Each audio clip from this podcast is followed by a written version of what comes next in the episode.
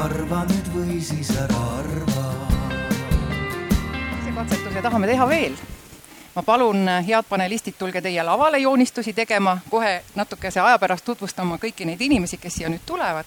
aga head kuulajad, teile anname ka väikese ülesande. ja see ülesanne seisneb selles, et te saate paberi, kus on mummud. ja järgmise kolme minuti jooksul palun tehke nendest ringidest võimalikult palju asju. Kõike, mis pähe võib tulla. katsu leida endale koht, kus sa saad paberi kindlale alusele panna. ja kolm minutit läheb käima. veel ei lähe? nii, võtke palun paberid kas sul oli siin kuskil see koht, vaata? nii head joonistajad, aeg sai täis ehm,. Mul on selline küsimus, et palun tõstke käed, kes sai mõned mummud täis joonistatud. täiesti olemas, mitu tükki, kes sai kolmandiku mummudest täis joonistatud? ka juba väga tublid, väga tublid, väga tublid, tohutu kiired mõtlejad. kes äkki on isegi keegi, kes sai poole täis ja ongi nii. väga lahe, ma vaatan ka siiapoole oi,, oi-oi. Nonii, äkki on ka mõni, kes sai kõik täis. palun, üks on, sul jäi viimane rida puudu ja Mirel sai ka. ei saanud? aa, okei okay. super tulemus väga hea. aga mida te, mida te sealt leidsite? kes su mummudes on? tule saa mikrofoniga. Vale pidi äkki panin, just lülitasin välja.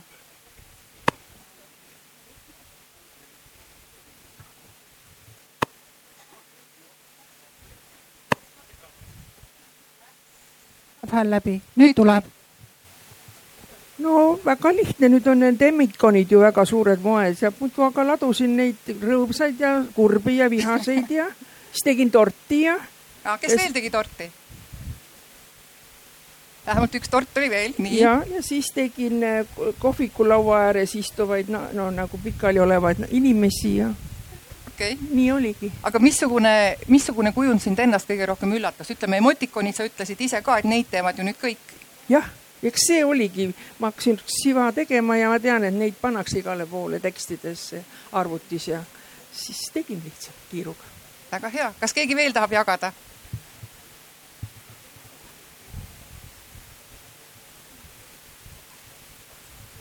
Niimoodi, et äh, leidsin ringidest ing-yang äh, märgi, siis näoilmed, mis ei ole need emootikumid, vaid lihtsalt näoilmeid, siis ümmargusest aknast paistavad tähed, kahest ringist tuleb kokku prillid, märklaud, kell, nööbid kahe auguga, nelja auguga, päike, lill. päike, kellel veel oli päikest? jee ei olnud, tänan väga, aga mida teie leidsite? Jüri. kuidas ta nüüd kostab? väga hästi ja, ja. et äh, mina leidsin äh, valgusfoori, punane, kollane, roheline, siis täiskuu, päike, ühe lumememme, ühe draakoni. ohoh, kas draakoneid oli ja veel? ja ühe ingli ka. Vau, väga hea mina tundsin kõige tugevamalt seda loovat, loomise sähvatust siis, kui ma sain aru, et see üks ring on mutri sisemine ring ja ma joonistan sinna ümber need kuus kanti. et see, see oli tõesti see, et aa, ma leidsin midagi. aga Mirel, mis sind kõige rohkem üllatas, mida sa leidsid? Äh, kui ma hakkasin äh, erinevaid äh, nägusid, lihtsalt tegin smiley'sid ja proovisin siis erinevaid rahvuseid ja emotsioone hakata nagu mõtlema, et tegelikult on ju meil seitse miljardit inimest, kes on kõik erinevad, aga ma suutsin ikkagist ainult viis välja mõelda. ja siis ma sain aru, et jah, takerdus. okei okay., Piret, on sul mõni hea mõte lisada, mis sa leidsid? Ma hakkasin kujutama rõngaid ja siis ma mõtlesin, et kuidas kujutada nii, et üks on sõrmusega, teine on võimlemisrõngas ja kolmas on veel mingisugune muu rõngas, et äh, oleks võinud terve lehe neid rõngaid täis joonistada. okei, Laineli? ja, ja minu tähetunniks jääb stepsel. Stepsel, suurepärane. aitäh teile kõigile selle loova hetke eest. nüüd on aeg sealmaal, et asudagi loovusest rääkima ja ma palun, et mu head, meie head panelistid selles töötoas, mille on organiseerinud IVI ja Tartu Kõrgem Kunstikool Pallas, et need panelistid teie ees räägivad paar sõna sellest, kes nad on ja kust nad tulevad. alustame sealtpoolt, Jüri. õnnetu äärekoht. jah, just. ja tulen äh, Pelgulinna gümnaasiumist Tallinnast. aga nii nagu ma ennast tutvustasin, et, äh, et sellise loovuse pisiku ma saingi kätte tegelikult Paidest. et, äh, et siin ma nüüd olen ja olen seda nelikümmend aastat siis seda kunstiõpetuse õpetaja ametit pidanud koolis ja veel elus. nii, üks kunstiõpetaja. aitäh, Jüri. Anneli Borri, Eesti Kunstiakadeemia kunstihariduse lektor ja minu ülesanne või see, ütleme siis agenda on äh, saad teha niimoodi, et äh, kunst, kunsti ja vaataja vahel tekiks äh, vooluring, mis paneb pirni põlema ehk siis elektrik Põhi, põhimõtteliselt küll jah. ja, ja ma, mina pean vaatama, et akud oleksid laetud ja et tõepoolest, et see tähendus, mis seda pirni siis põlema paneb, et, et see saaks ka sellel vaatajal, kes arvab, et ta mitte midagi kunstist ei tea ja ta ei ole mitte kunagi midagi selle kohta õppinud ja nii edasi. aga jah, minu, minu agenda on ikkagi tõesti see, et kõik me teame midagi kunstist ja meile meeldib seda vaadata ja see on tore ja väga äge. Aitäh, Anneli, ole hea. tere ka minu poolt, mina olen Mirel Merirand ja see küsimus on tavaliselt äh, kõige raskem, sest äh, ma, ma kuidagi pean ütlema, et ma tegelen lihtsalt haridusvaldkonnas laiemalt erinevate üksuste ja vormide kaudu, aga oma loovust äh, väljendan ma eelkõige olles ettevõtluse õpetaja, et õpetan siis startup'i ja ringmajanduse sellist äh, kombot. et juba viimased viis aastat aga selles on vaja olla loov. jaa, väga aga ma ise ei teadnud seda. aga isegi nüüd tänaseks ette valmistudes äh, ma sain aru, et me vist ainult loovusega tegelemegi palun, Piret.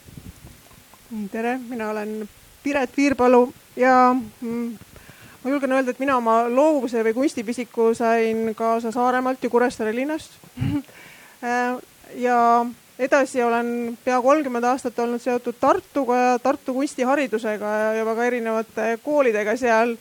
ja nüüd kõige rohkem esmaspäevast alates Tartu Kõrgema Kunstikooliga Pallas, kus ma õppeprorektorina tööle asun, aga lisaks sellele valmistan tulevasi kunstiõpetajaid ette Tartu Ülikooli Viljandi Kultuuriakadeemias. et mis on väga-väga tore töö ja nõuab väga palju loovust et kuidas valmistada ette õpetajaid kooli jaoks nii muutuvate olude jaoks, nagu praegu on, et nendes säiliks see rõõm ja loovus, et seda siis ka õpilastele edasi anda. aitäh. aitäh, Siret. Ole hea. tere, Laineli Parrest Viljandist, Viljandi kunstikooli direktor, õppinud äh, Pallases ja lisaks veel ka sain magistrikraadi EKA-st interdistsiplinaarsete kunstide ja magistratuurist. kordan, interdistsiplinaarsed kunstid. mis see tähendab? kõik. valdkondade vahelisus. aga siin äh, eile lugesin oma lastele unejutuks väike äh, seda Muumitrolli lugusid ja täna otsustasin võtta endale abiks äh, loovalt väikese müü arhetüübi. ma võin juhtumisi olla täiesti ebatsensuurne ja öelda hirmsaid asju, sest ma tahan täna seista meie laste ja noorte eest esimesel septembril palun kõik õpetajad, tädid, lõpetame laste kottimise ära ja päriselt ka mõtleme, mis asi on uus õpikäsitlus, mis asi on loovus haridussüsteemis, päriselt. väga hea üleskutse, aitäh. sellega on tõepoolest hea alustada. aga selleks, et siis aru saada, kuidas esimesel septembril käituda, eks ole, kui me tagasi kooli läheme, siis me peaksime kõigepealt ikkagi panema paika, mis meie jaoks täna, kes me siin nüüd istume nii müüd, revolutsionäärid kui elektrikud, kunstiteadlased, kunstiõpetajad ja nii edasi. et mis asi on loovus? et ma ei tea, ma hea meelega jätaks nüüd selle rivis rääkimise järgi ja, ja paluksin äh, teil endal, kui teil nüüd mõte tuleb, ma küll tahaksin, et te kõik ütleksite oma arvamuse sellest, aga mitte järjekorras, et, et mis on loovus sinu jaoks, mis on loovus? kes tahab alustada? ma võin alustada. alusta. julgus, vabadus julgus riskida, proovida, eksida, kukkuda ja püsti tõusta, et see on kõige-kõige olulisem ja ma usun, et me siin kõik usume, et kõige paremini saab sellele kaasa aidata kunstiharidus. et selle kaudu on neid oskusi kõige parem õpetada. et äh, mina arvan nii. mina arvan, et loovus on üks väga tõhus mõtteviis, tööriist äh, elus hakkama saada äh, üks üldse üks väga olulisi tööriistu inimkonna jaoks ja inimtsivilisatsiooni jaoks aga jah, eelkõige on see oskus mõelda, tegutseda ja midagi ära teha. aitäh. ja mina võib-olla võtaks siit järje üle, et äh, ettevõtluses äh, tuleb äh, probleeme lahendada ja mina näengi loovust kui probleemi lahendust, et olukord, kus me oleme ja olukord, kus me tahaksime olla ja et sinna olukorda, kus me tahame olla, et sinna jõuda, me peame rakendama väga palju loovust ja need tööriistad mis tulevad meil siis äh, erinevatest kohtadest ja ka kunsti kaudu. kuna mina olen õppejõud, siis ma pean ikkagi ka teoreetiliselt kuidagi asja kokku võtma ähm,. põhimõtteliselt äh, loovuse kohta on väga erinevaid teooriaid, et me võime kas ühelt poolt meelde jätta selle, et loovus on uudne, eetiline ja kasulik ehk et mingisugune idee on, me saame öelda, et ta on loov või mingi probleem on loovalt lahendatud siis, kui see on uudne, eetiline, kasulik või asjakohane, ütleme, on võib-olla parem öelda. ja teisest küljest üks nagu levinumatest teoreetilistest mudelitest on see, et loovust jaotatakse neljaks. nii, niinimetatud neljad C või creativity teooria et kõigepealt meil on olemas kõigil see äh, mini, minitillukene loovus, õpiloovus, see ongi see, et mida, mida me oskame iga, igaüks avastame midagi, leiame midagi uut enda jaoks, see on ka loovus. järgmine on äh, väike C ehk väike loovus. Äh, see on selline argitasandi loovus, teen külmkapi lahti, vaatan, mis mul seal on ja teengi nendest asjadest süüa. lapsel saab pluus märjaks, mida me teeme, kuidas me paneme püksid selga, mis on ainsad kuivad asjad kaasas argiloovus. Äh, järgmiseks tuleb professionaalne erialane loovus. erialane ükskõik millisel tasandil, ükskõik, kas me oleme bussijuht, elektrik, ähm, peaarst, kes iganes. et meil on see erialane loovus, me oskame neid probleeme oma erialasel tasandil lahendada. ja see kõik lõpuks viib välja suure tseeni ehk nagu big creativity, mis on see nagu üldine, ütleme visionäärne loovus, midagi sellist, mis tõepoolest võib muuta maailma ja muudabki maailma. kas see võib avalduda siis interdistsiplinaarselt, nagu sina ütlesid, või peakski avalduma eh, maailma muutmiseks interdistsiplinaarselt või võib see ka olla nii kunstis, mäetööstuses, põllumajanduses? suur C. suur C, jah ma arvan, et ta on ikkagi interdistsiplinaarne jah, et, et kui ta jääb nagu ühte valdkonda, et siis ta võib-olla piirdub selle professionaalse loovusega ehk et selleks, et me saaksime maailma edasi arendada, teda paremaks muuta, oleks meil vaja seda suurt C-d. me peaksime selleni jõudma. aitäh. ma siis väga niiviisi maiselt, et, ähm, et minu arust selline loovus on nagu ütleme, vaba isiksuse põhiline omadus. et võib-olla koolis äh, noh, või võib öelda, et ega sa koolis seda loovat last eriti ära ei tunne et vahest ta on äh, ühtepidi tülikas, see loov laps, aga teistpidi me väga-väga ootame seda loovat last kooli. nii et, äh, et võib-olla siis see äh, noh, kunstiõpetuse või ütleme, Eesti kooli ülesanne ongi, ongi leida nagu see loov laps ja äratada igas võib-olla lapses selline isiksuslik loovus üles kas on publiku hulgas veel mõtteid, kuidas tahaks kirjeldada loovust, mis on loovus minu jaoks? ma, ma võin tühjust, ma võin korraks publikusse minna et, äh, et ma tooks äh, siia kõrvale sellise lihtsa äh, loovuse kui mõttetüüpide sellise lahterduse, mis koosneb jällegi viiest versioonist.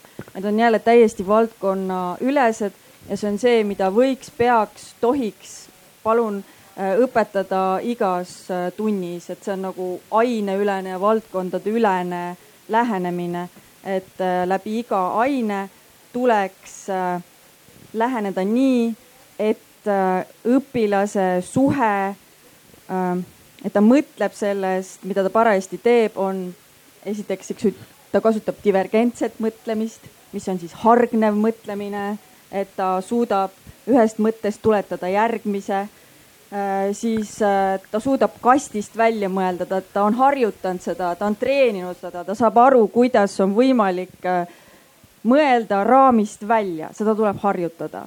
siis on seal selline inspireeruv ja inspiratsiooni otsiv mõtlemine, et selline ahaa ja ohoo elamused ja prooviks nii ja teeks nii. siis on sünteetiline, süsteemne mõtlemine siin näiteks praegune haris, haridussüsteem võiks väga palju olla toeks just sellega, et meie lapsed teavad niivõrd palju fakte. E, aga kui keegi oleks nii lahke ja annaks neile võimaluse neid fakte ka päriselt mingi probleemikeskses äh, ülesandes nagu kokku viia, ehk siis luua neid süsteeme, olla seal loov.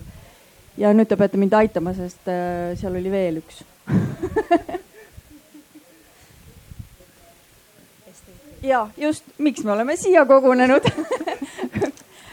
Põhiliselt kunstivaldkond, et see esteetiline loovus, mida väga palju stereotüüpselt peetakse loovuseks või seal on võrdusmärk, aga täna äh, oleme me juba nii teadlikud või räägime, peaksime rääkima niivõrd palju loovusest teadlikumalt, et, et see ei ole ainult valge sall üle õla, äh, molbert ja pintslid, see on üks osa, see selline esteetiline Äh, taju sealjuures nende viie loovalt äh, mõtlemise, äh, mõtteviisi juures. aitäh. aitäh. vaatan veel otsimalt korra saali, kas on keegi veel, kes tahab enda vaadet täiendada näiteks? tahaksid sa? meil on mikrofon ka, kohe Ivi toob. ja täiendada seda uudishimu komponenti või uudsuse komponenti ehk uudsuse komponendi järele vist selle loovuse üks võimalik definitsioon oli kahe tuntud asja ühinda-, üheldamine seni tundmatul moel mm. -hmm. ja, ja natuke ma vaidlen teile vastu, et kas tõepoolest on, on selline võimalus, et tuleb uuesti harjutada loovust. mul on kodus kassipoeg, lapselaste kass. meeletult loov, mida ta hetkel otsib, mul on tunne, et see kaob ära kusagil, kui ta täiskasvanuks saab. kas inimesenditel on samuti või? Mhm. ja mina vastan kohe, et jään endale täiesti kindlaks, loovus on reaalselt muskel, oskus, üks pädevus, üks äh, täiesti väga vajalik ja normaalne pädevus, mida tõesti tuleb treenida ja õppida. ja, ja tegelikult võib-olla see ongi minu jaoks üks see baas nagu see uutmoodi lähenemine sellele, mis ei ole väga tavapärane, et tuleb teha loovharjutusi iga päev võtta selleks aeg, võimaldada seda lastele tundides, mis iganes tundides, et see tõesti on muskel, mida tuleb treenida. et see ei ole jah see, mis tuleb, see geeniuse puudutus või see mänguline pipitamine, see on üks osa sellest ja see on hästi võluv ja see jääb, aga me räägime sellisest äh, leiutavast ja, ja nagu inimkonda edasi aitavast loovusest, mis on, äh, mis tõesti nagu vajab sellist süsteemset lähenemist aitäh. oled sa nõus, et jõuda selle suurema tseeni, millest rääkis ka Anneli, on vaja teda treenida nagu musklit? ja ole hea, Anneli. mul on veel üks äh, konkreetne vastus sellele küsimusele, kas loovus kaob ära? jah, kaob, ütlevad arengupsühholoogid ja seda on näinud kõik kunstiõpetajad ja ka klassiõpetajad. Äh, loovuskriis on lastel arenguline nähe see tuleb, äh, hakkab kusagil üheksandast, kümnendast eluaastast Äh, kestab üheteist, kaheteist eluaastani, kolmeteistkümnendani. ja äh, loovuskriisi põhjus on selline, et ühesõnaga loovuskriis avaldub ka niimoodi, et lapsed järsku, mul peab olema täpselt samasugused riided nagu mu sõbral, täpselt samasugune pinal, ma pean täpselt samamoodi kõike tegema samamoodi, ma joonistan samamoodi. Äh, ma ei tee ühtegi uudset ettepanekut, sellepärast et mind võidakse välja naerda. loovuskriisi seostatakse kooli algusega kus lapsed satuvad järsku kollektiivi, kus on väga palju nende suguseid ja siin on muidugi nagu õpetajatel väga-väga suur roll, kui palju tolereeritakse erinevust, kui palju tolereeritakse seda, et keegi istub tooli asemel põrandal, käib rivi asemel rivi kõrval ja nii edasi. joonistab natukene teistmoodi, kirjutab natukene teistmoodi või teisel ajal. Äh, loovuskriisist saab välja tulla ehk tegelikult äh, me näeme juba eelteismelised hakkavad juba muutuma nagu selliseks, aga ma ei taha neid asju, mis teistel on, ma tahan olla omamoodi.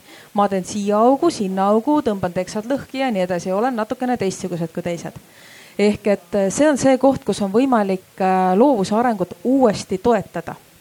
kui seda ei toeta, siis me jäämegi kuni täiskasvanuna sinna loovuse langusesse, et teeme parem niimoodi, et me välja ei paista, niimoodi on turvalisem, keegi ei küsi meie käest midagi, kõik on tipp-topp ehk, äh, ehk ülioluline on äh, see teise kooliastme lõpp, kolmanda kooliastme algus, kus on võimalik äh, kunstitunni abiga, kõikide teiste õpetajate, täiskasvanute abiga tulla, muutuda nagu ka loovaks täiskasvanuks, selleks täiskasvanuks, kes saab aru, et aga minu uudset mõtet oodatakse. ma peangi mõtlema natukene teistmoodi, sellepärast et niimoodi lahendame me ainult need nurjatud probleemid ära mm. -hmm. aitäh Anneli, me jõudsime. ja sa tahad lihada, ole hea, jah, mis on loovus? tahan kohe, eks ju, vahele natuke öelda, et äh, liiguks mõni aasta kohe ettepoole, et äh, äkki kooli alguseks on juba hilja. et äh, öeldakse, et loovuse arenguks on kõige soodsam periood teisest kuuenda eluaastani, et kus siis laps on? Et äh, tavaliselt lasteaias ja kodus, et kes on tema mõjutajad seal? Et hästi palju räägitakse lasteaias toimuvast kunstiharidusest ja lasteaias äh, käivate laste loovuse toetamisest, et need ähm, kurbnaljakad näited sellest, kuidas õunal peab olema leht õigel pool ja, ja kunagi ei tohi olla midagi teistmoodi. et kas see saab ikkagi alguse lasteaiast, et äh, toetada tuleb kogu aeg, väidan ma.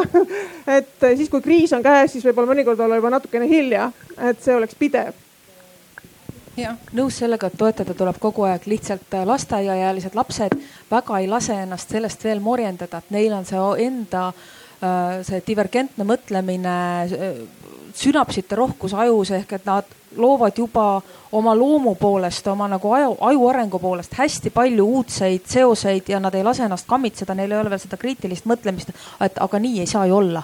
aga nii ei saa ju päriselt juhtuda, järelikult ma seda asja siia pildile ei joonista, kõik saab juhtuda. veel, tahad, tahtsid sa midagi lisada?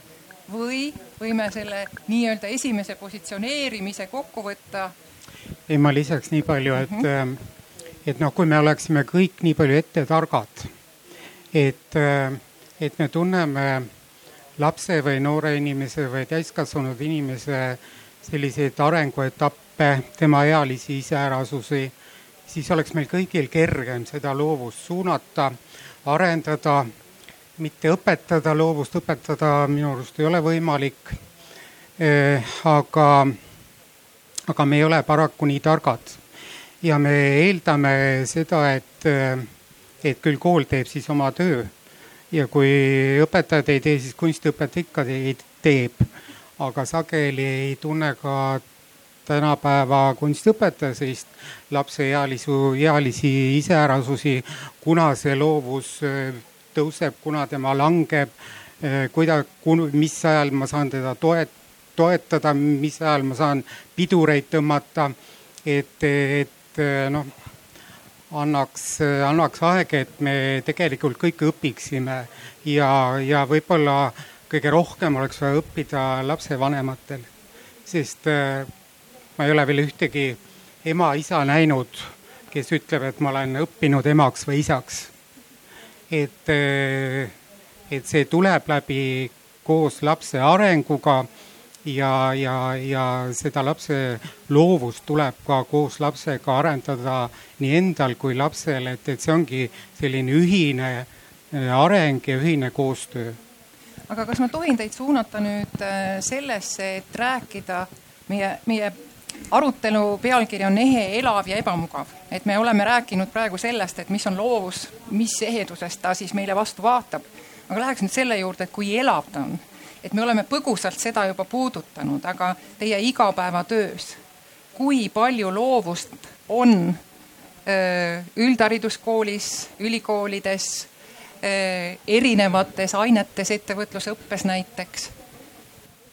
kuidas on lood meil loovusega, kui elav ta on? kriis on. kriis on, pole olemas. absoluutselt ei, nagu ilma naljata, et äh, et see, mis äh, Anneli ütles, et, äh, et tegelikult me, me liigume pigem praegu ikkagi sellise vaakumi suunas, et äh, siiamaani ei ole nagu teadvustatud kõik, kui tõsine see asi on, et, et tõesti see loovusõpe, see ehe, ebamugav ja, ja elav, et see ei ole mingi roosa tilulilu, see on reaalne kompetents, nagu see on pädevus, et sellega tuleb tegeleda ja praegu me istume siin nii mõnusasti ja nagu mõtleme, et, et kuidas me oleme selle, kuidas me sellega oleme kokku puutunud, nagu kunstikoolides me paneme ette kõrvitsa ja teeme, värvime kõrvitsa kollaseks, tagant teeme siniseks ja õpime äh, külma ja sooja värvitooni tundma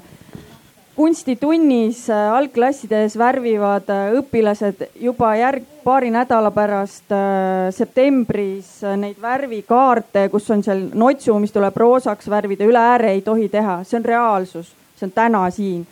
kunstikõrgkoolis, kunstitundides on ette antud sellised ainepõhised, omavahel nõrgalt seotud ülesanded. meil on väga häid näiteid aga üldiselt meie laev liigub selles suunas, et me ei ole teadvustanud seda, kui tõsine asi selle loovusega ikkagi on. mis on nagu maailma tellimus ja mis on see, mida me pakume, et äh, ma ei tea, kui, kui pikalt me nagu räägime sellest, et, äh, et missugune on loov ülesanne ja lähenemine loovalt ülesandele ja missugune on kasti paigutav keskmine. palun värvi see tee kollane seest lill, tee viis punast lillelehte ja mesimumm sinna juurde.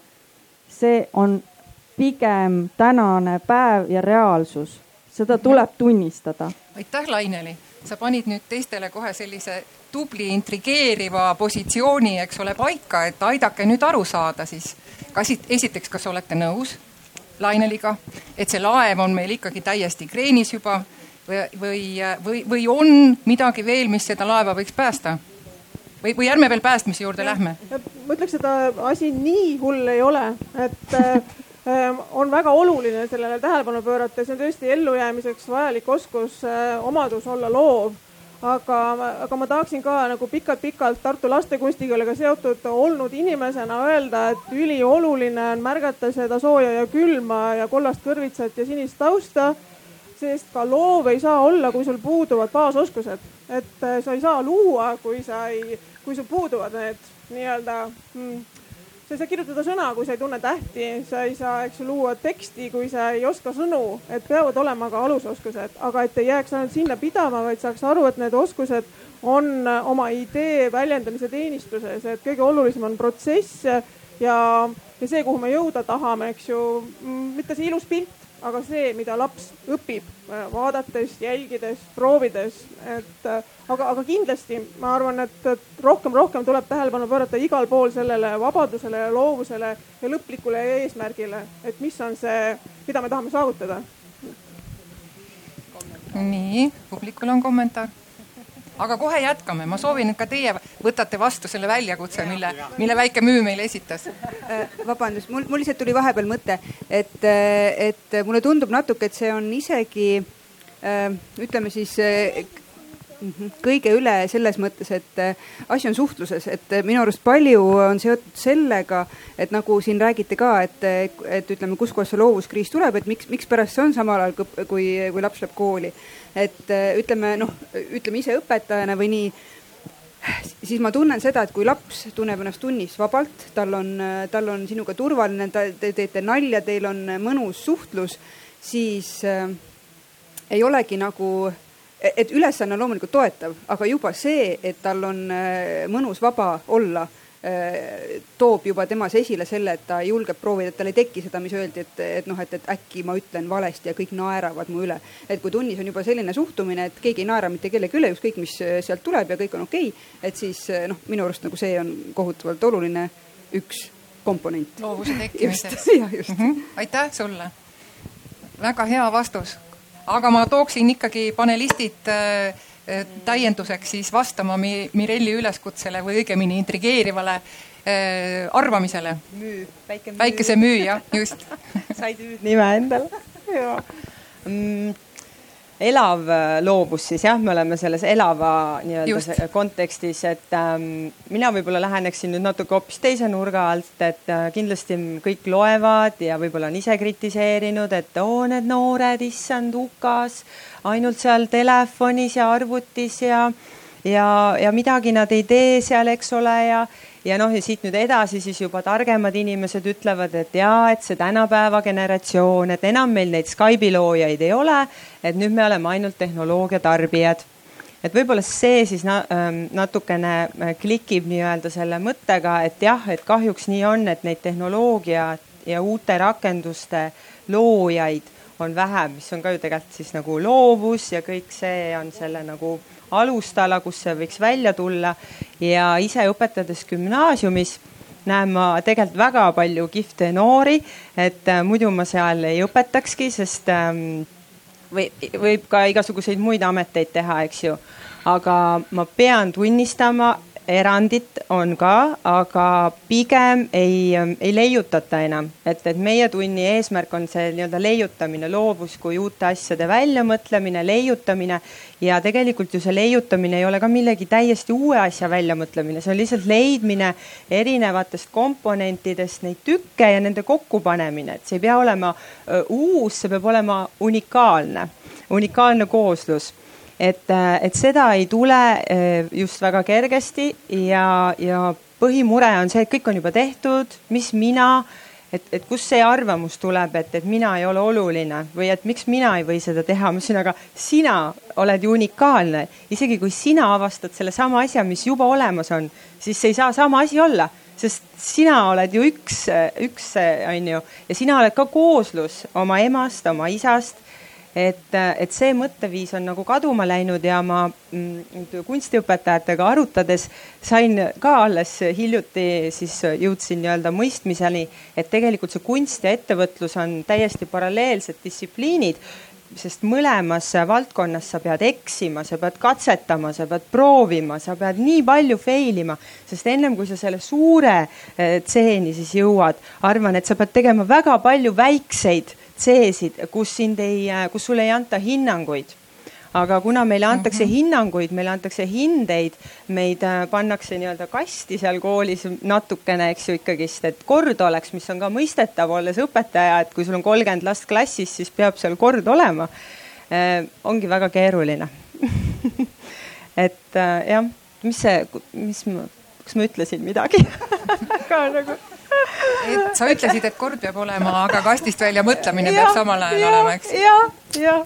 raske ülesanne. et õpetaja võiks siis klassi tulla läbi akna kuidagi et äh, raputada seda korda ja tegelikult kommentaarina meie kuulajale, et see minu arvates, äh, mis ma tahtsin ka tegelikult äh, kõikidele nagu tahaks kaasa anda, et see mm, positiivne mõtlemine ja teiste vastu nagu eh, kuidas ma ütlen, nagu hea, hea käitumine või, või et sa oled nagu lahke. jah, et, et seda nagu võiks rohkem olla meie seas, sest eh, selline vaba mõte ja positiivne energia, et see ongi loovuse aluseks tegelikult jah mm. -hmm see, et sa julged, julged eksida. et seesama, mulle ka väga meeldis, mis publiku liige ütles, et see õhkkond või keskkond see on ülioluline, et ennast turvaliselt tunda, ükskõik mida sa leiutama hakkad või tegema hakkad. et koolikeskkond, lasteaiakeskkond, kodukeskkond oleks turvaline, sedasama originaalsust ja erilisust toetav, see on, see on üliülioluline, et ta tunneks ennast seal vabalt ja julgelt, et see on väga-väga tähtis mm. -hmm nüüd me oleme juba natukene rääkimas sellest, et, et mida teha, et, et asjad paremaks läheks, aga ma tahtsin ikkagi vastust teie või arvamust sellele, et eh, la, päikesemüü mõttele, et et kui meil koolides ikkagi, kas koolides on asjad, kuidas on loovusega, kas ta elab koolis? ükskõik millises koolis, kas gümnaasiumis, põhikoolis, kõrgkoolis? elab, elab, elab, elab ja ma arvan, et äh, olgem pigem optimistid, et äh, kui teie juba siin kõik koos oleme, küll me selle laevaga teistpidi keerame, et uppida ei lähe. aga see on õige, et, äh, et alustama peab, nii nagu publikust öeldi sellest ruumist, sellest keskkonnast, mida ka toetab siis tegelikult nüüdisaegne õpikäsitlus, mis äh, õnneks meie koolis juba on hakanud toimima, et, et see äh, lapse loovus ja isiksuse areng algab tegelikult äh, keskkonnast peale ja, ja noh, mina olen küll selgelt kogenud seda, et, et kunsti ei saa õpetada kurjaga. kunsti ei saa õpetada, arendada hindega. kunsti tundi minnes pead sa olema selline paras näitejuht. ja, ja mina olen seda tundnud ja tegelikult see, kui see tunne, niikaua kui see tunne on, niikaua on kõik okei okay et eh, kui sa astud klassi ja sa tajud, et eh, see, see trupp hakkab sinuga koos mängima, siis on loovust seal nii palju, et eh, läheb uksest aknast välja. et selles mõttes ei ole see loovus kuhugile kadunud ka lastel, pigem on ikkagi meie kunstiõpetajate suhtumises lugu või, või nagu põhi, põhimõte et, et eelkõige eeldab see tõesti sellise positiivse õhkkonna loomist, lapse kiitmist. Et ma olen väga-väga tugevalt kogenud seda, et ka see, kui laps ei oska seda kunsti teha ja, ja ta vahel ei taha ja ta tujutseb ja ta noh, suure, suure punnitamise peale tõmbab mõne kriipsuki, siis kiida ainult takka. ja tõesti, see loovus hakkab välja tulema nii et, ähm, et äh, ma, ma väga loodan, et kõik õpetajad hakkavad sellest aru saama, et, et see loovus ei ole mitte ainult see kunstiala või kunstiosa, vaid ta on tegelikult meie kõikide, kõikide kooliõpetajate ülesanne äratada see loovus üles. kas ta on siis matemaatiline loovus, on ta füüsika loovus, kirjanduse loovus, kõigil on see loovus olemas.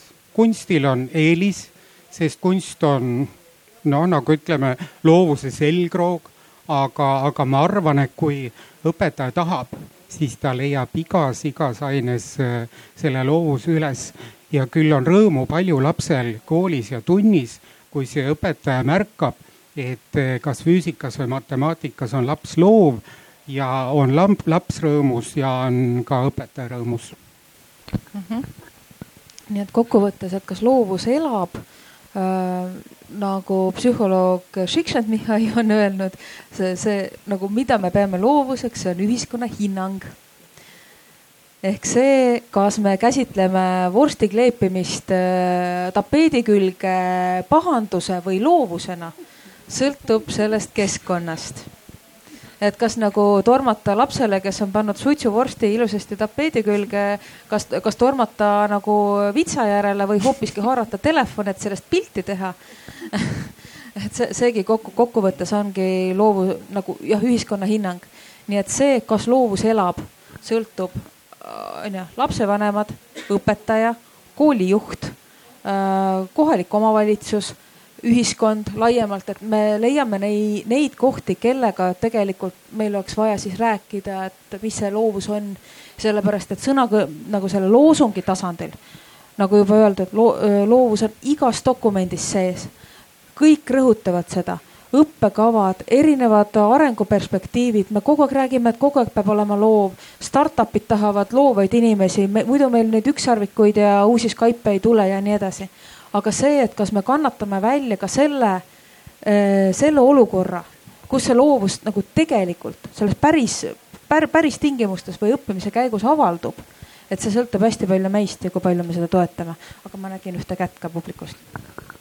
Nojah, et kui nagu reaalse elu peale jutt läheb, eks ole, siis, siis noh, mina nagu vaatan seda ühest küljest nagu lapsevanema perspektiivist, et kus nagu laps käib koolis ja mida ta seal siis kogeb või mida mina seal kogen ja teisest küljest noh, mu tänane töö on tegeleda siis nii-öelda sellise ettevõtluse arendamise ja erinevate siis ettevõtete nii-öelda toetamisega ja, ja järje peale aitamisega. ja ma näen selle, sellest töö poole peal tõepoolest seda, et, et loovus on meeletu konkurentsieelis. nagu need, kes, kes suudavad ja tahavad olla loovad, on teistest edukamad, no midagi teha ei ole et need, kes teevad seda asja, mis on ammu tehtud, lihtsalt natuke rohkem, noh, neid on ka muidugi. aga, aga see ei ole see, kus midagi särama läheb. kas oskaksite oma valdkonnast tuua ühe täitsa konkreetse näite, kuidas te saate aru, et see inimene, keda te hakkate palkama, on loov? jah, ma nüüd palkamise koha pealt ma, noh, ma näen nagu ettevõtteid, eks ole, kes, kes tulevad välja nagu asjaga, mida, mida teised ei tee, eks ole. et, et see on ikkagi või, või, või ka mingi viisiga midagi teha nii, nagu teised pole teinud. Et see, see, see ongi nagu hästi interdistsiplinaarne, see võib sõlt-, see võib olla, see ei pruugi olla see toode, mis on originaalne, võib-olla on originaalne see, kuidas ma suhtun oma töötajatesse, kuidas ma neid juhin, eks ole, missugust meeleolu ma loon kuidas inimesed ennast minu ümber tunnevad, eks. et see, see avaldub nagu väga paljudes erinevates asjades mm. -hmm. aga, aga kui ma siis vaatan nüüd, mida, mida seal koolis nagu kogetakse, siis noh, tuleb ikkagi öelda, et see on sihuke talupojasupp, eks ole, sihuke vedellurr ja mõned kõvad tükid on sees, on ju ja, ja noh, et noh, täna me siin näeme, mõned kõvad tükid on sealt vahukulbiga kokku korjatud, kes nagu ütlevad, et vot me seal nagu teeme, eks ole, nüüd on sellised oaasid seal selles kõrbes kus treenitakse nagu ühte musklit, mis on lühimälu.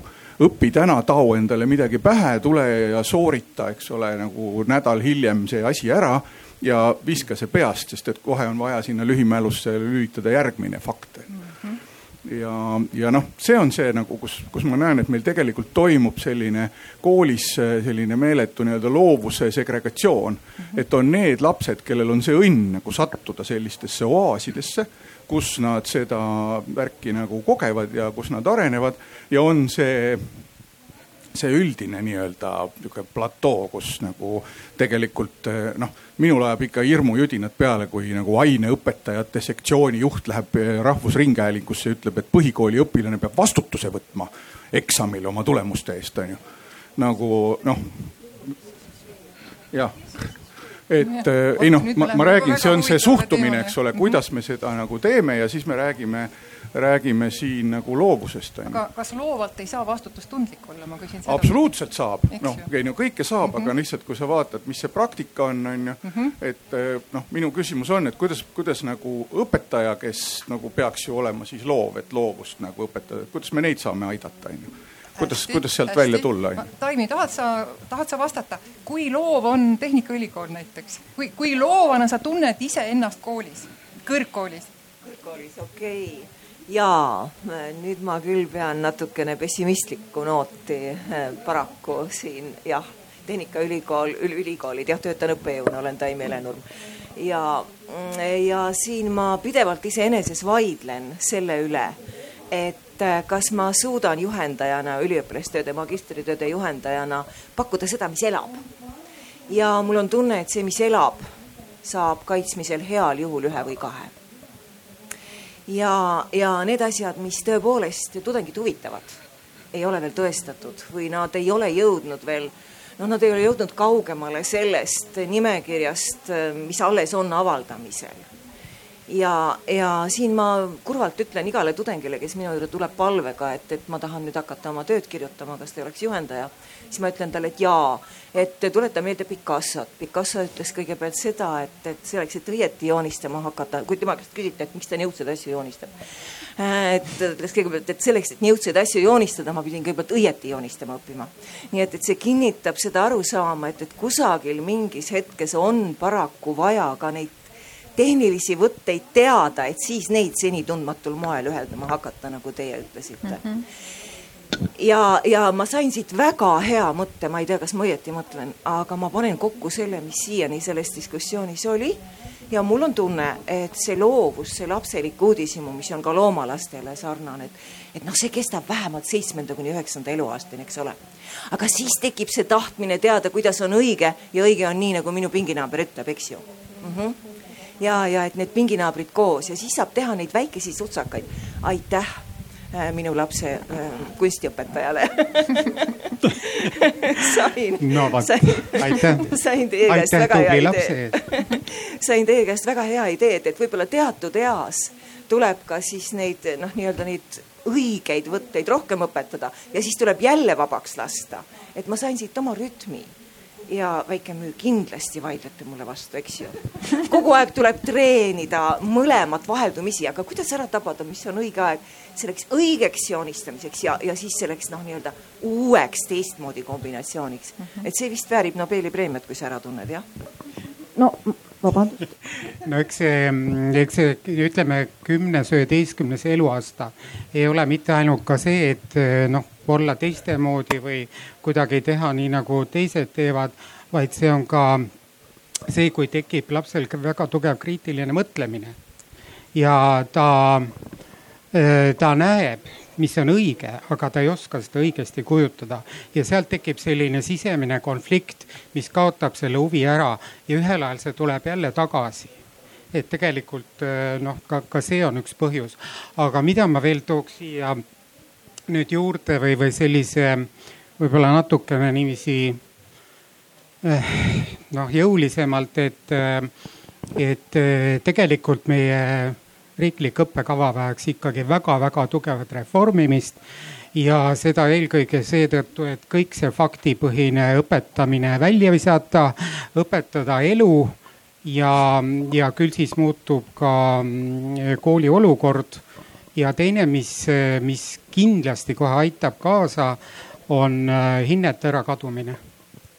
Et meie koolis ütleme, on juba kaksteist aastat äh, esimesest kuuenda klassini on kujundav hindamine, teda nimetatakse ka mitut teistpidi, aga aga tõesõna, see, see tuleb kunstis vähemalt väga tugevalt kasuks, sest ma kirjutan õpilasele tagasiside, sidemeks jutu, kus annan siis teada, mis ta, kuidas ta tegi, kuidas ta osales protsessis, kuidas tema areng on ja, ja ütleme kaksteist aastat tagasi, kui see, meie kool võttis julgelt selle otsuse vastu, et nüüd läheme ülekujundavale hindamisele, mis tekitas alguses väga palju vastasseisu.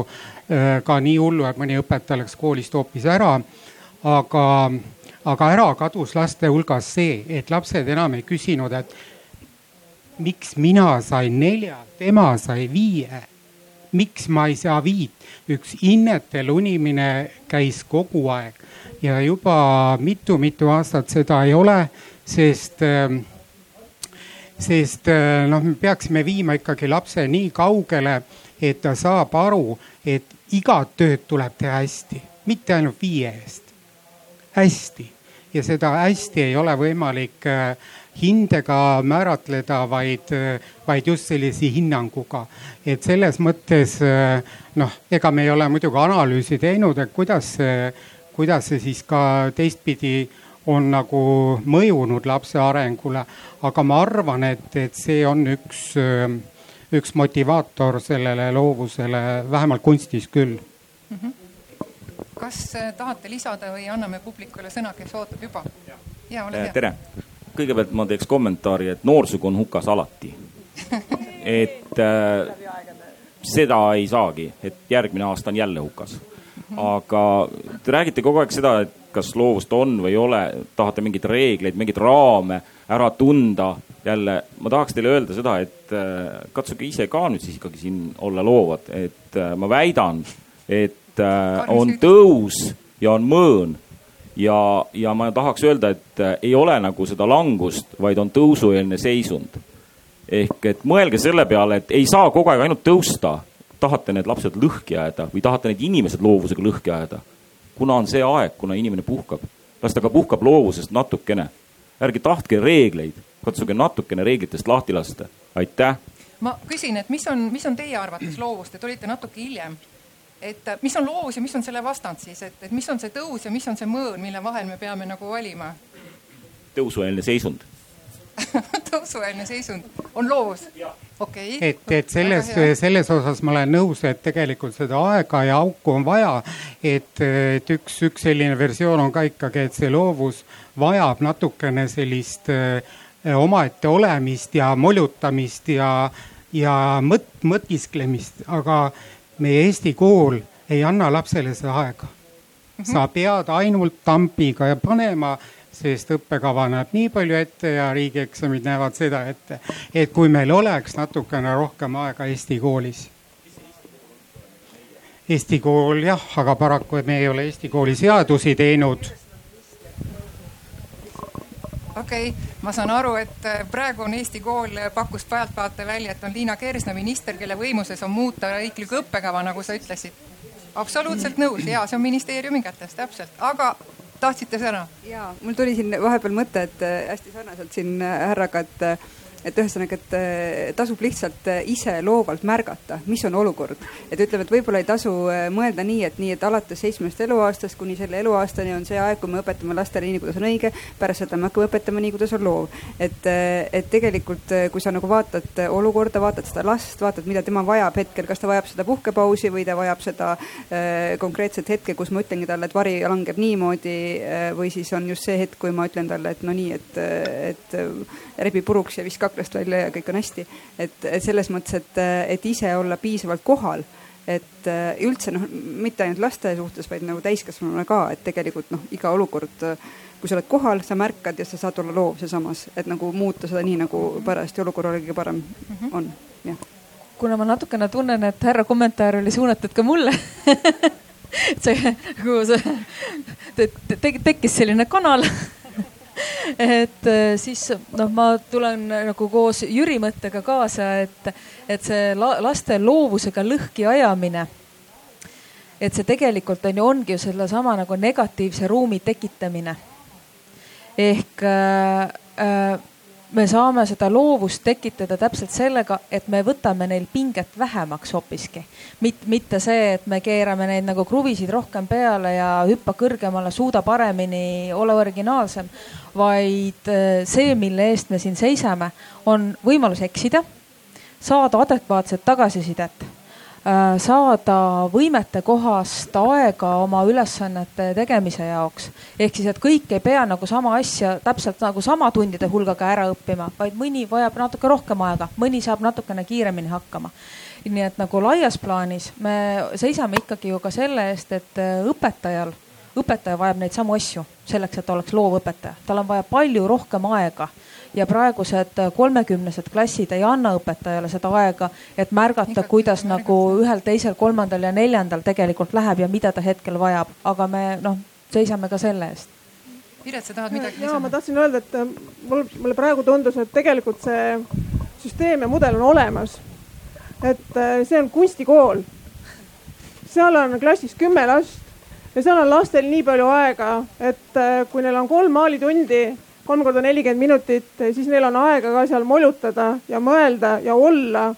ja ma mäletan, kui laste kunstikooli tuli üks ähm, esimese klassi laps ja peale esimest poole aastat tegi sellised suured silmad ja küsis õpetaja käest, palun öelge, kuidas selline koht saab olemas olla? et kas selline koht on pär-, kes mõtles välja sellise koha nagu kunstikool, et see midagi nii erilist, see on nagu selline oaas sama süsteem, sama aeg, sama meeleolu võiks olla igal pool tavakoolis ka. Et see on olemas, et käige kõik kunstikoolis, et teeme kõikidest koolidest kunstikoolid väga hea üleskutse, aga mina arvan, et sama head koolid on äh, muusikakoolid ja spordikoolid kõik, kus saab tegeleda vabalt sellega, mis sind huvitab.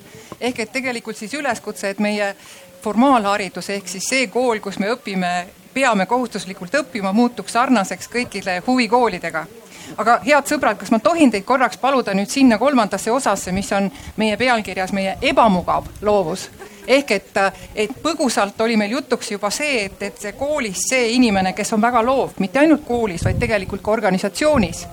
et ta, ta on ebamugav. aga ma vahepeal jälle torkan niiviisi ära.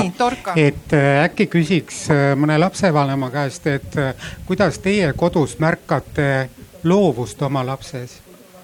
Meie muudkui jahvatame siin, aga kuidas teie märkate? äkki seesama?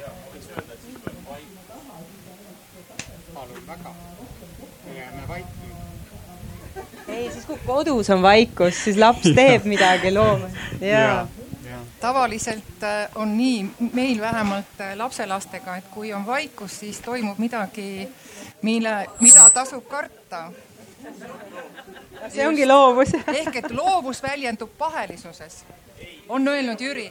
ja on... mina, mina võin oota, ka kohe. räägime selle lahti, jah, kas sa tahad sellel teemal jätkata? ei. ebamugavusest tahan küll rääkida. just, okei okay,, räägime ebamugavast loovusest. et enne kui minu kolleegid võtavad üle kindlasti ja räägivad Tootsilikust ja Vahtramäe Emililikust äh, ebamugavast äh, krutski tegelasest, kes pakatab loovusest, siis äh, ma avaksin selle ebamugava loovuse poole selle koha pealt, et äh, kus kohas, mis seisus on meie armas koduplaneet praegu äh, selline see, see laul, mis võib-olla tüütab, aga võiks ka mitte tüüdata et see ebamugav nüanss siinjuures on see, et meie vestlus siin ka on selline hedonistlik, selline mõtisklus ja arutelu, aga tegelikult ma ei tea, kas meil on nagu aega nagu mõelda, et kuidas need varjud ja kõrvitsad ja katsume loovamad ja avatumad olla ja niimoodi.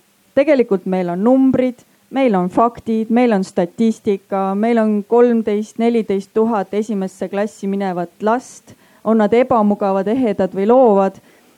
et need on need esimese klassi lapsed, kellega me hakkame pihta. Ja päriselt ka nemad kuueteist aasta pärast peavad olema niimoodi haritud, et nad hakkavad siia sellele maailmale ja ühiskonnale siis tagasi andma midagi. aga nagu kuidas, meil on tegelikult väga-väga kiire selle nagu selle süsteemiga. et äh, nagu sellist noh, nagu sellist nagu, et proovime ikka ja vaatame, et me oleme nii harjunud, äh, mulle tundub selle Nõukogude ebamugavast Nõukogude Liidu rüppest tulnud süsteemiga, kus kõik oli selline staatiline, me tuleme sellest peaaegu enamus siit. et me oleme ühe jalaga seal ja teise jalaga tahame rääkida sellest, et äh, ettevõtlik, loov, et see kõik on ka nagu siin kohal. aga nüüd on vaja pusletükid nagu kokku panna, et noh, nagu tegutseda, et äh, see on ebamugav, aga me peame nagu vaatama päriselt näkku nagu faktidele ja sellistele nagu statistilistele andmetele, mida ühiskond ja erinevate selliste suurte muutuste äh, juba protsessides olev nagu inimühiskond vajab väga tõsine, tõsine seisukoht. oli ebamugav, piisavalt ebamugav, ma loodan. aga. võib-olla siia sobibki siis sihuke arvamus, et, et võib-olla see loovuse vastand ongi see, kui sa lihtsalt lased asjadel juhtuda ja oledki selles süsteemis ja ma ei tea, natuke nagu ohvri rollis või sa ise tekitad äh, neid asju, mis juhtuvad. see ongi siis see loovjulgus, äh, ma katsetan isegi, kui läheb pekki, aga ma ja, püüan.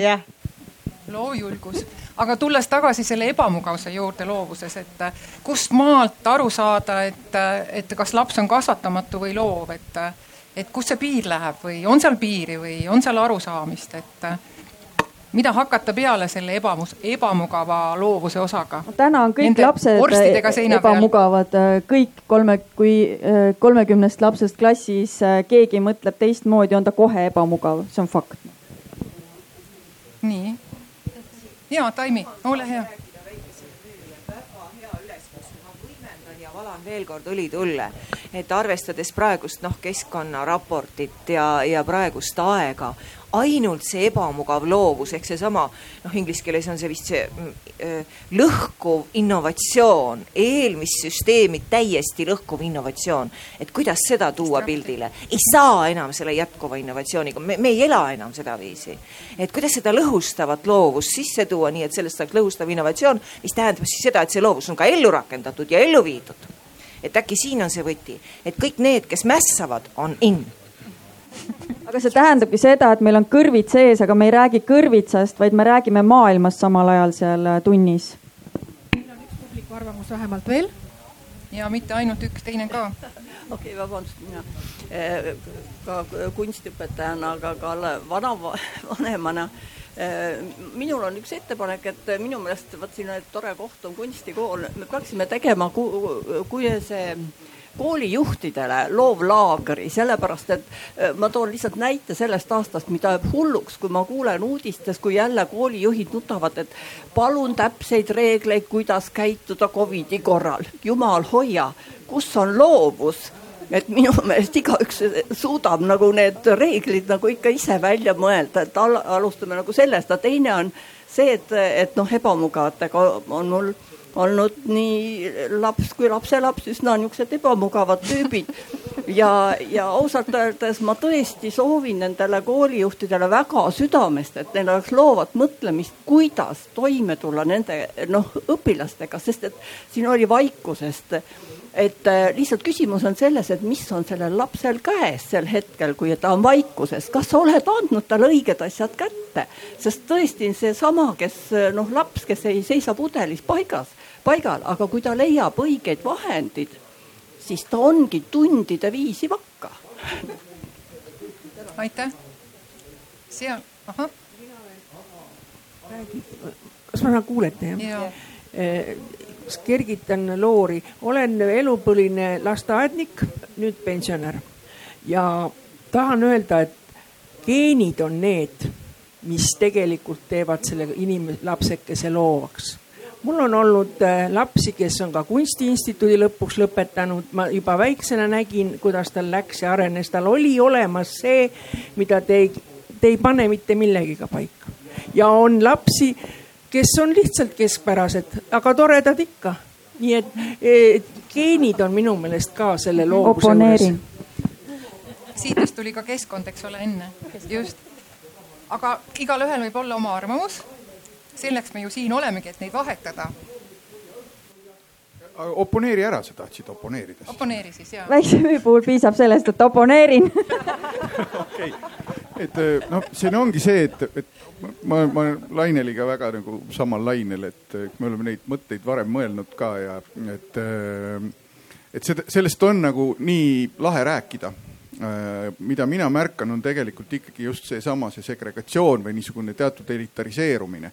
et meil on ikkagi nagu lapsed ja ka täiskasvanud noored ja noh, kellel on, kellel on justkui see õnn, kes on selle hea pileti nii-öelda võtnud ja ja kes siis ongi loovad ja kes, kes nagu mm, suudavad mõelda kastist välja ja kuhu iganes. Ja siis on meil tegelikult hästi palju nagu sellist äh, tööandjat, Eesti ettevõtjat, äh, kes tegelikult ootab sellelt noorelt inimeselt noh, piltlikult öeldes, et noh, ta tahab suuremat hobust, kes vähem sööb, onju et äh, ei ole seal nagu midagi vaja, et äh, oma peaga keegi mõtleks või jumal hoidku veel välja mõtleks onju. ja, ja noh ja noh, puhuti isegi jääb mulje, et see on justkui loomulik protsess.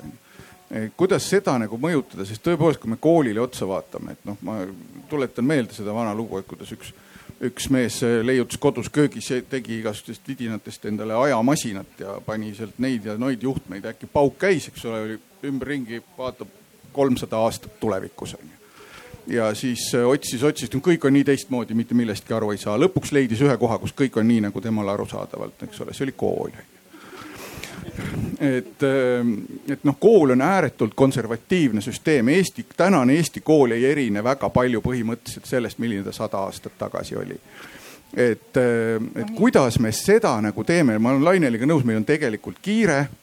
Eh, meil on tegelikult täna noh, needsamad need üksikud oaasid on ju, et kuidas me seda noh, kus mingi õppekava ümberkirjutamine, ma ütlen, teile ei aita mitte midagi sellepärast, et seal on see õpetaja, kes on koolis, eks ole, kelle jaoks ainus oodatud muutus koolis on palgatõus on ju. et rohkem nagu ei tahaks muutusi, kõik võiks jääda on ju. et see on nagu, et kas te oskate nõu anda, on ju, et kuidas me saame nagu aidata, sest tõesti on kiire. mida me peaksime tegema tegelikult selleks, et, et see olukord muutuks, kui te kõik noogutasite kaasa sellele väitele praegu, et meil on sajaaastane kool? no kui, kui nüüd ikkagi igale koolile antakse nagu õigus otsustada ja teha ja, ja muuta oma koolikultuuri, siis äh,. ma küsin, kas täna ei ole seda keegi õigust? keegi pole keelanud. keegi pole keelanud, jah. kas EKA-l on see õigus? Millest see tuleb, et meil on sajaaastane kool? kunstiakadeemia väärikas. me oleme ju oma juurte peal kasvavad puud, me tõesti tuleme sellest äh, autoritaarsest klassiruumist, kus me oleme sinistes pihikutes ja pükstes ja vale, kaks, kolm, hüppa, karga, kits, läheb. no, no ma ütleks niiviisi, et, et siis ikkagi on koolijuhi julgus muuta oma kooli see on, see on väga-väga. inspireerida väga... oma kollektiivi ja, ja siit ka, et ja... Äh, iga selline vestlus, iga täpselt see meie dialoog isegi äh, iga väike tilk, mis me teeme, igaüks, kes läheb ja räägib kasvõi noh, noored, tere, teie ju ka siin on ju. ega me teile praegu ei lase rääkida, eks, olete harjunud, on ju, me räägime ise ära, kuidas see nooruse ja tulevikuga värk on. aga et äh, iga väike tilk nagu see nii-öelda see viirus, mida me hakkame levitama siin, et tegutseme kiiresti, kes saab, kes suudab, muudab ja üks asi ka, mis mul ebamugavuse juures, üks väga ebamugav äh, asi, mida tuleks teadvustada meie koolisüsteemis. väga vabandan oma ebatsensuursuse pärast, aga on tädilikkus. see on äh, vallutanud väga-väga palju ja väga pikkadeks aastateks nagu ja see mõjutab ka loovust ja väga palju nagu seda koolikultuuri. mida sa et... mõtled tädilikkuse all, laegi lahti jah, meil on äh, emalikud, naiselikud, tädilikud äh,. see. Laineli, Laineli, need ei ole üks ja seesama asi nii e, emalik, tädilik võib minu meelest olla, aga nagu. ja ma kirjeldasingi ja. seda, et see on nii positiivsed kui igasugust, et need on äh, sellised hinnangulised asjad, eks ju, aga meil on enamasti Äh, naisõpetajad, mis ei ole halb, aga tädilikkus siinjuures, eks ju. kas sealt, kas ei ole probleem selles, et väga paljud nendest inimestest tulevad ka oma keskkonnast, kus on täpselt seesama, ära torka silma, tee nii nagu teised. Äh, õpetaja, kas sa saad teatava nagu selle positsiooni, kus sa saad öelda, aga nii meil ei tehta no just täpselt sellest me siin räägime, oleme korralikud, palun. palun oleme korralikud, teeme selle korrektselt, selle tunni ära need valemid selgeks. Ah.. aga siis nad on onud, eks. Nii, siin on üks sõnasoovija, kus, palun, ole hea. et äh, ma tahtsin minna kaks sammu tagasi, et äh, ma vaidleks vastu sellele võrdlus, võrdlusmärgile, et äh, loov laps võrdub ebamugav laps. et võib-olla see ebamugav laps on isegi natuke paremas positsioonis, et äh, tal on jõudu sealt äh, reeglitest läbi murda. et äh, mul on enda, endal ka laps, kes on väga mugav loov laps, et sellised lapsed, ma kardan, sööb see süsteem palju kiiremini ära kui need ebamugavad lapsed aga me räägimegi, see süsteem ei ole üks lohe, keda me peame samal ajal nagu poputama ja nuumama. me siin olemegi selleks, et nagu teadvustada, et tegelikult selle süsteemiga meil on piisavalt nagu ikka juba jõudu, et, äh, et sellele nii-öelda vastu astuda, et tunnistada, see peabki murenema ja me peamegi homsesse astuma.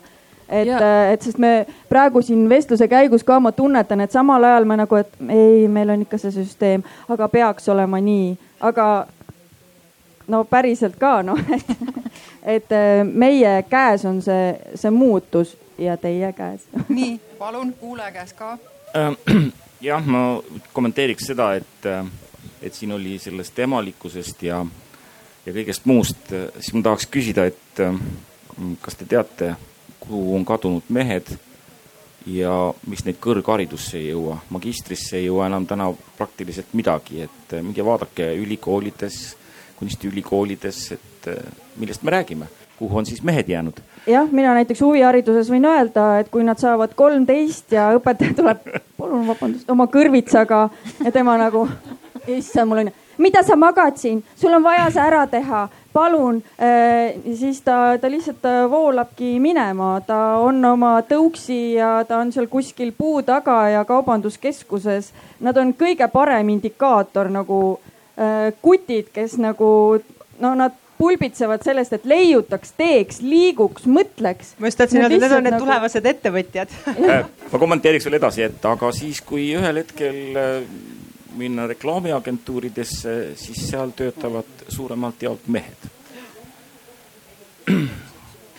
et ja, ja kolmas asi, mille peale ma mõtleksin, on see, et me räägime siin ebamugavusest, aga Äh, me kogu aeg oleme oma, oma maailmavaadetes äh, rääkinud seda, et kesksus ei ole midagi ja et ikkagi peab olema nagu midagi erilist ja, ja iga päev ju tuleb ka meile reklaami, et äh, on tavaline pesupulber ja on eriline. me kõik tahame kogu aeg olla erilised ja nüüd me oleme siis jõudnud selle oma erilisusega selle koha peale, et täna disainimaailmas me peame alustama sellest, et mitte kuidas luua midagi, vaid et kõigepealt, kuidas me teda hävitame ja siis alles hakkame looma toodet. aitäh aitäh, no ma näen, et siin on meil täitsa loov inimene olemas, üks äh,. aga kor-, väike käsipidur väike käsipidur on see, et äh, üks minu viimase aja lemmikvärskenduse Greta Arro, Arro poolt naiivsusteooriad et see on ka üks asi, millega ennast kurssi viia, me siin väidame asju oma tunnetuse ja oma suva järgi. Alati ikka kontrollime, guugeldame mehed, naised, et mulle tundub, et seal valdkonnas on naisi rohkem, mulle tundub, et mehi. et, et need on ka üks asi, millele käsipidur peale tõmmata lihtsalt korraks, remargi korras. okei okay., aga ma tahaks väga praktiliseks minna, me oleme palju rääkinud sellest, et peaks päris elus rakendama loovust.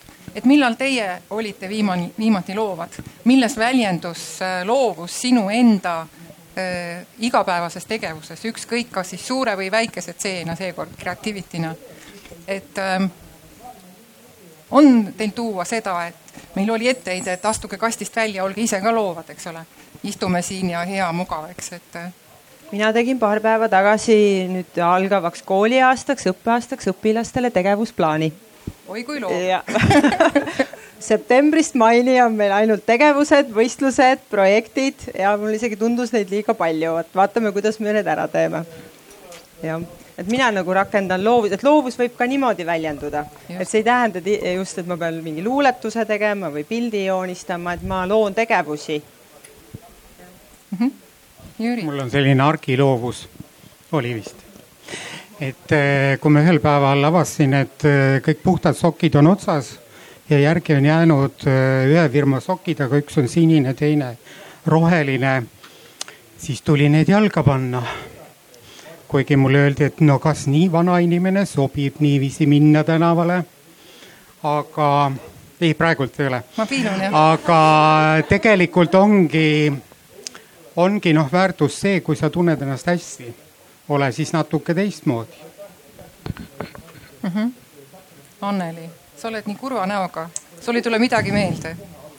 tuleb noh, tege-, tegelikult kuna ma üritasin mõned päevad tagasi nooremale põlvkonnale ka selgitada, et, et teatud nagu piirangud ja raskused ongi nagu elu normaalne osa, sellepärast et see seab meid äh, vajaduse ette mõe-, noh lahendada see ülesanne ära. Ja vastutasuks annab aju meile dopamiini. Ehk et, et, et kui on nagu kogu aeg nagu täiesti probleemitu olukord, et ka seesama noorem põlvkond ei mängiks mitte ühtegi arvutimängu, kui seal ei oleks ikkagi ühtegi kolli, kellest nad alguses jagu ei saa. Et seda nagu piirangut või raskust on vaja, et minu jaoks toimivad nagu õudselt hästi just nagu sellised äh, olukorrad, mis seavad mingid teatud piirid ette. Eh, võib-olla minu see igapäevane loovusavaldus ongi täpselt see, et ma teen külmkapi lahti ja va ma vaatan, mis seal on ja ma teen perele söögi valmis. Ja ei lähe poodi ühtegi osa juurde tooma mul tekib ka siis jess tunne, kusjuures ma sain hakkama no just, et, et sa oled nagu, et ma olen nagu teostanud ennast kasvõi nagu selles valdkonnas, aga see tekitab ka noh, nagu igapäevases olukorras ikkagi neid vajalikke, neid sähvatusi ajus ja see on mõnus. et noh, ka sealt edasi jõudes Äh, kultuurkapitalile teha aruannet oma projekti või näituse kulude-tulude kohta. Ja siis lõpuks, kui need read kokku jooksevad sendi pealt, siis on tunne, et taevas avaneb, minu peale paistab valguse kiir ja inglikoorid laulavad. Et noh, et, see ongi nagu ka seesama asi, et, et ku, kuidas meil on, on noh aga selleks on vaja tõesti seda aega, et me leiame selle kommi üles kõikidest nendest piirangutest ja siis nagu aa, see toimib ja kui ma tõstan ühe rea sealt sinna niimoodi ja siis see jooksebki kokku. aitäh. ehk et loov saab olla absoluutselt igasugustes tegevustes. Piret, kas sul on sa, sa ei pea, kui sa ei taha. ma mõtlesin selle peale, et tegelikult seesama, eks ju, ajafaktor ja see, et sul on aega unustada ja nii-öelda nagu mitu korda on öeldud äh, Fred Jüssi sõnadega ka, eks ju, molutada ja niisama olla. et, et see tunne, kui peale seda niisama oldud aega jooksevad asjad kokku ja tekib idee noh, võib-olla see ei olnud nii originaalne idee, aga minu enda jaoks täna oli just see, et kunstikool on see mudel või noh, mitte see, et seal oleks kõik ideaalne, aga see, et on vähe lapsi, et on aega, et on rõõm ja et on turvaline keskkond, et noh, sellised kohad mm. -hmm sa tahtsid midagi? ma räägin veel ühe loo, et äh, üha rohkem mulle hakkavad meeldima näiteks koolis sellised tunnid, kui ma lähen väga kindlalt äh, klassi, ma tean, mida ma teen ja siis tuleb kari väikseid lapsi ja ütleb, et ärme täna tee seda asja. noh, kas portreed või ükskõik, mis me seal tegema peame. ja siis ma näen, et, et nende silmades tegelikult ongi see tahe, et ärme tee. ja siis muidugi mina selline lapsemeelne nõrga emotsiooniga inimene hakkan kohe mõtlema, mis me siis edasi või, või ühesõnaga mõtlen oma tunni ümber. Ja teate, see on väga-väga magus tunne, kui sa pead äh, niiviisi äh, ootamatult äh, mingi kriisisituatsioonis mõtlema selle asja ümber ja tõesti, kui see, kui see asi lähtub nendest, siis see tulemus on ka hulga magusam ja mõnusam mm. -hmm. aitäh. kas on? Ma, ma tooks lihtsalt täitsa, me oleme hästi palju koolist rääkinud, eks ole, et, et aga kui noh, minna jälle sinna sellesse äri ja ettevõtlusmaailma, siis, siis noh, mul on endal parasjagu käsil ühe sellise, sellise avatud innovatsiooniplatvormi nagu loomine ettevõtjate jaoks ja, ja seal me nagu sõnastame tegelikult seda kontseptsiooni nii, et, et me ei saa enam sellise vana turuplatsi meetodiga, et siin on nõudmine, siin on nõudlus, siin on pakkumine, siin on koolitusvajadus, siin on koolitajad. saame nüüd keskpõrandale kokku ja, ja noh, kui me räägime nendest toredatest asjadest nagu teadmussiirdest või, või teadusarendusest, eks ole, ettevõtluses, siis on nii palju takistusi. et teadlane tahab kaks aastat uurida, ettevõtja tahab kahe nädalaga toota, onju ja, ja nii edasi. ja ajakirjandus tahab täna õhtuks avaldada. ja just nimelt, aga, aga siis siis see lahendus, mida täna nagu targad inimesed meile pakuvad, ongi see, et sa, sa lood seda keskkonna, sa lood neid sündmusi, kus inimesed saavad kokku ja sa loodad, et äkki midagi juhtub. et see, see ongi nagu see, kus ja juhtubki, et kui me vaatame nagu teiste eh, targemate ülikoolide nagu Eestist kaugemal kogemusi ja noh, Tartus midagi punutakse, me nüüd Pärnus midagi punume. sihuke konservatiivne tehase direktor ütleb, see on lollakad noh mingit eesmärki ka ei ole teil, kuidas me mõõta saame, kas täitsite või ei täitnud. aga, aga see ongi see mõtteviis, millest tuleb nagu lahti rebida ja, ja nagu anda ka sellele täiskasvanud inimesele, sellele loovusele võimalus, anda võimalust neil teineteist inspireerida eh, kellegi mingist ühest mõttest sünnib meile kellegi kolmanda mingi teine või, või neljas mõte nii et, et noh, neid võimalusi on, et ma ei mm -hmm. taha ka ei ole pessimist olla. ma arvan ka, et ärme pessimismi jää siin kõige lõpus, et me peame hakkama otsi kokku tõmbama. nagu mulle mu seitsmeaastaseks saanud lapselaps ütles, et ta helistas ühel päeval, õigemini helistab võõras number, võtan vastu, halloo, mina helisin, Anna, kas sa ei tunne mind ära? ma ütlesin, mis numbril sa helistad? see polegi telefon, see on hoopis mul uus nutikell. et, äh, et ma saan sinuga nüüd rääkida, et ma rääkisin papaga ka, et tema, tema tahtis ehitama hakata, ütles, et mul on tikksaag käes, et hakkame otsi kokku tõmbama. et äh, mul on ettepanek ka, et hakkame nüüd otsi kokku tõmbama ja mitte pessimistlikult vaid mina olen täna saanud targemaks selles osas, et või mis targemaks tegelikult ju see nii ongi, et et selleks, et muuta ükskõik kus, kas koolis, organisatsioonides, äriühingutes, kogu meie ühiskonnas meid kõiki loovamaks, siis selle tööriista võrra, mis aitab meil tegelikult selles üsna ebakindlas ja ettearvamatus maailmas äh, ellu jääda ja hakkama saada, et see võti peitub igas ühes meis, selles selja sirgu ajamises ja, ja ja ettevõtlikuks ja loovaks hakkamises, et, et mina olen siit selle teadmise täna küll kaasa võtnud, aga mu head panelistid, et ma annaksin teile ka lõpetuseks sõna minut öelda seda, et, et, et mis võiks olla teie vaates tänase selle arutelu, meie kohtumise, kohtumise mõte, mille te kaasa võtate, võib-olla üks või kaks mõtet. Mul jäi see loovuse koht, nii et minu hääl hakkab kohe kõl-, kõlama et äh, mis on loov, on, äh, kui kellelgi on võimalus, siis äh, totaalse julgusega minna selliste laudade taha, kus luuakse haridusmudelit, haridusstrateegiat. kui sul on midagi kaasa öelda, siis kasvõi lapse suuga. minu see loov hetk ongi see, et ma tunnen, et see julgus, et sa julged suu lahti teha ja mitte kaasa noogutada niimoodi lihtsalt niisama, vaid tõesti kaasame noored, küsime, kas see on okei. Okay mis asi on uus haridusmudel, mis strateegia, mida on öelnud äh, haridusstrateegid, mida on öelnud sotsiaalteadlased täna, mida nad ütlevad aasta kohta kaks tuhat kolmkümmend viis? uurime, vaatame, paneme need asjad laua peale, küsime, kas see asi tegeleb praegu sellega, ei tegele, paneme siis selle kõrvitsa kõrvale, võtame selle praegu et äh, noh, kui kujundite keeles rääkida, et äh, see on see loovus, mis saab asju muuta et äh, sa lähed sinna, kus sa saad öelda midagi kaasa ja võib-olla noh, meie nagu super lihtsalt aplaus Iivile, pärast siis plaksutame, et see julgus, jah, me võtame haridusalal sõna, me paneme selle loovuse siia sisse me anname inimestele võimaluse sellest rääkida. Aplaus Iivile terve Vallimägi. aitäh, aitäh. Piret. Ja, et ma mõtlesin päris pikalt, et mis see on siis, mis ma täna siit kaasa võtan, et, ehm, et ma arvan, et äh, oluline on ehm, tasakaal ja julgus, et kui me olime hästi palju koolist rääkinud, siis ja see on nagu väike ühiskonnamudel, siis kooli puhul on ülioluline see, et koolijuhil silm särab ja koolijuht on julge ja õppekava ja õpikud tuleks võib-olla mingil hetkel hoopis äh, ära panna ja kõrvale panna ja mõelda ja vaadata oma lastele otsa ja küsida, et mida te tegelikult tahate, mida elul vaja on, et räägime sellest, mis me, meid tegelikult huvitab mitte seda, et me õpetame õpikut, et ma olen oma laste pealt ka koolis nii palju kuulnud, et meil on kiire, sest me peame kevadeks õpiku saama läbi, et sellest saada lõpuks ometi lahti. teeme ise oma õppematerjalid ja loome ise selle sisu ja, ja nagu elu jaoks. et äh, midagi sellist ehk. mina ka siin olen nüüd pikalt mõelnud mul üks näide tuli, mille ma ikka mõtlen, et ma räägin ära, et äh, seoses nende hinnete ja asjadega, et äh, kui ma esimesed aastad alustasin, siis äh, startup aine on selline, et ah oh,, teeme, katsetame, proovime, lahendame probleeme, pitch ime, räägime ettevõtjatega, käime külas. ega me täpselt ei teagi, it's all so messy.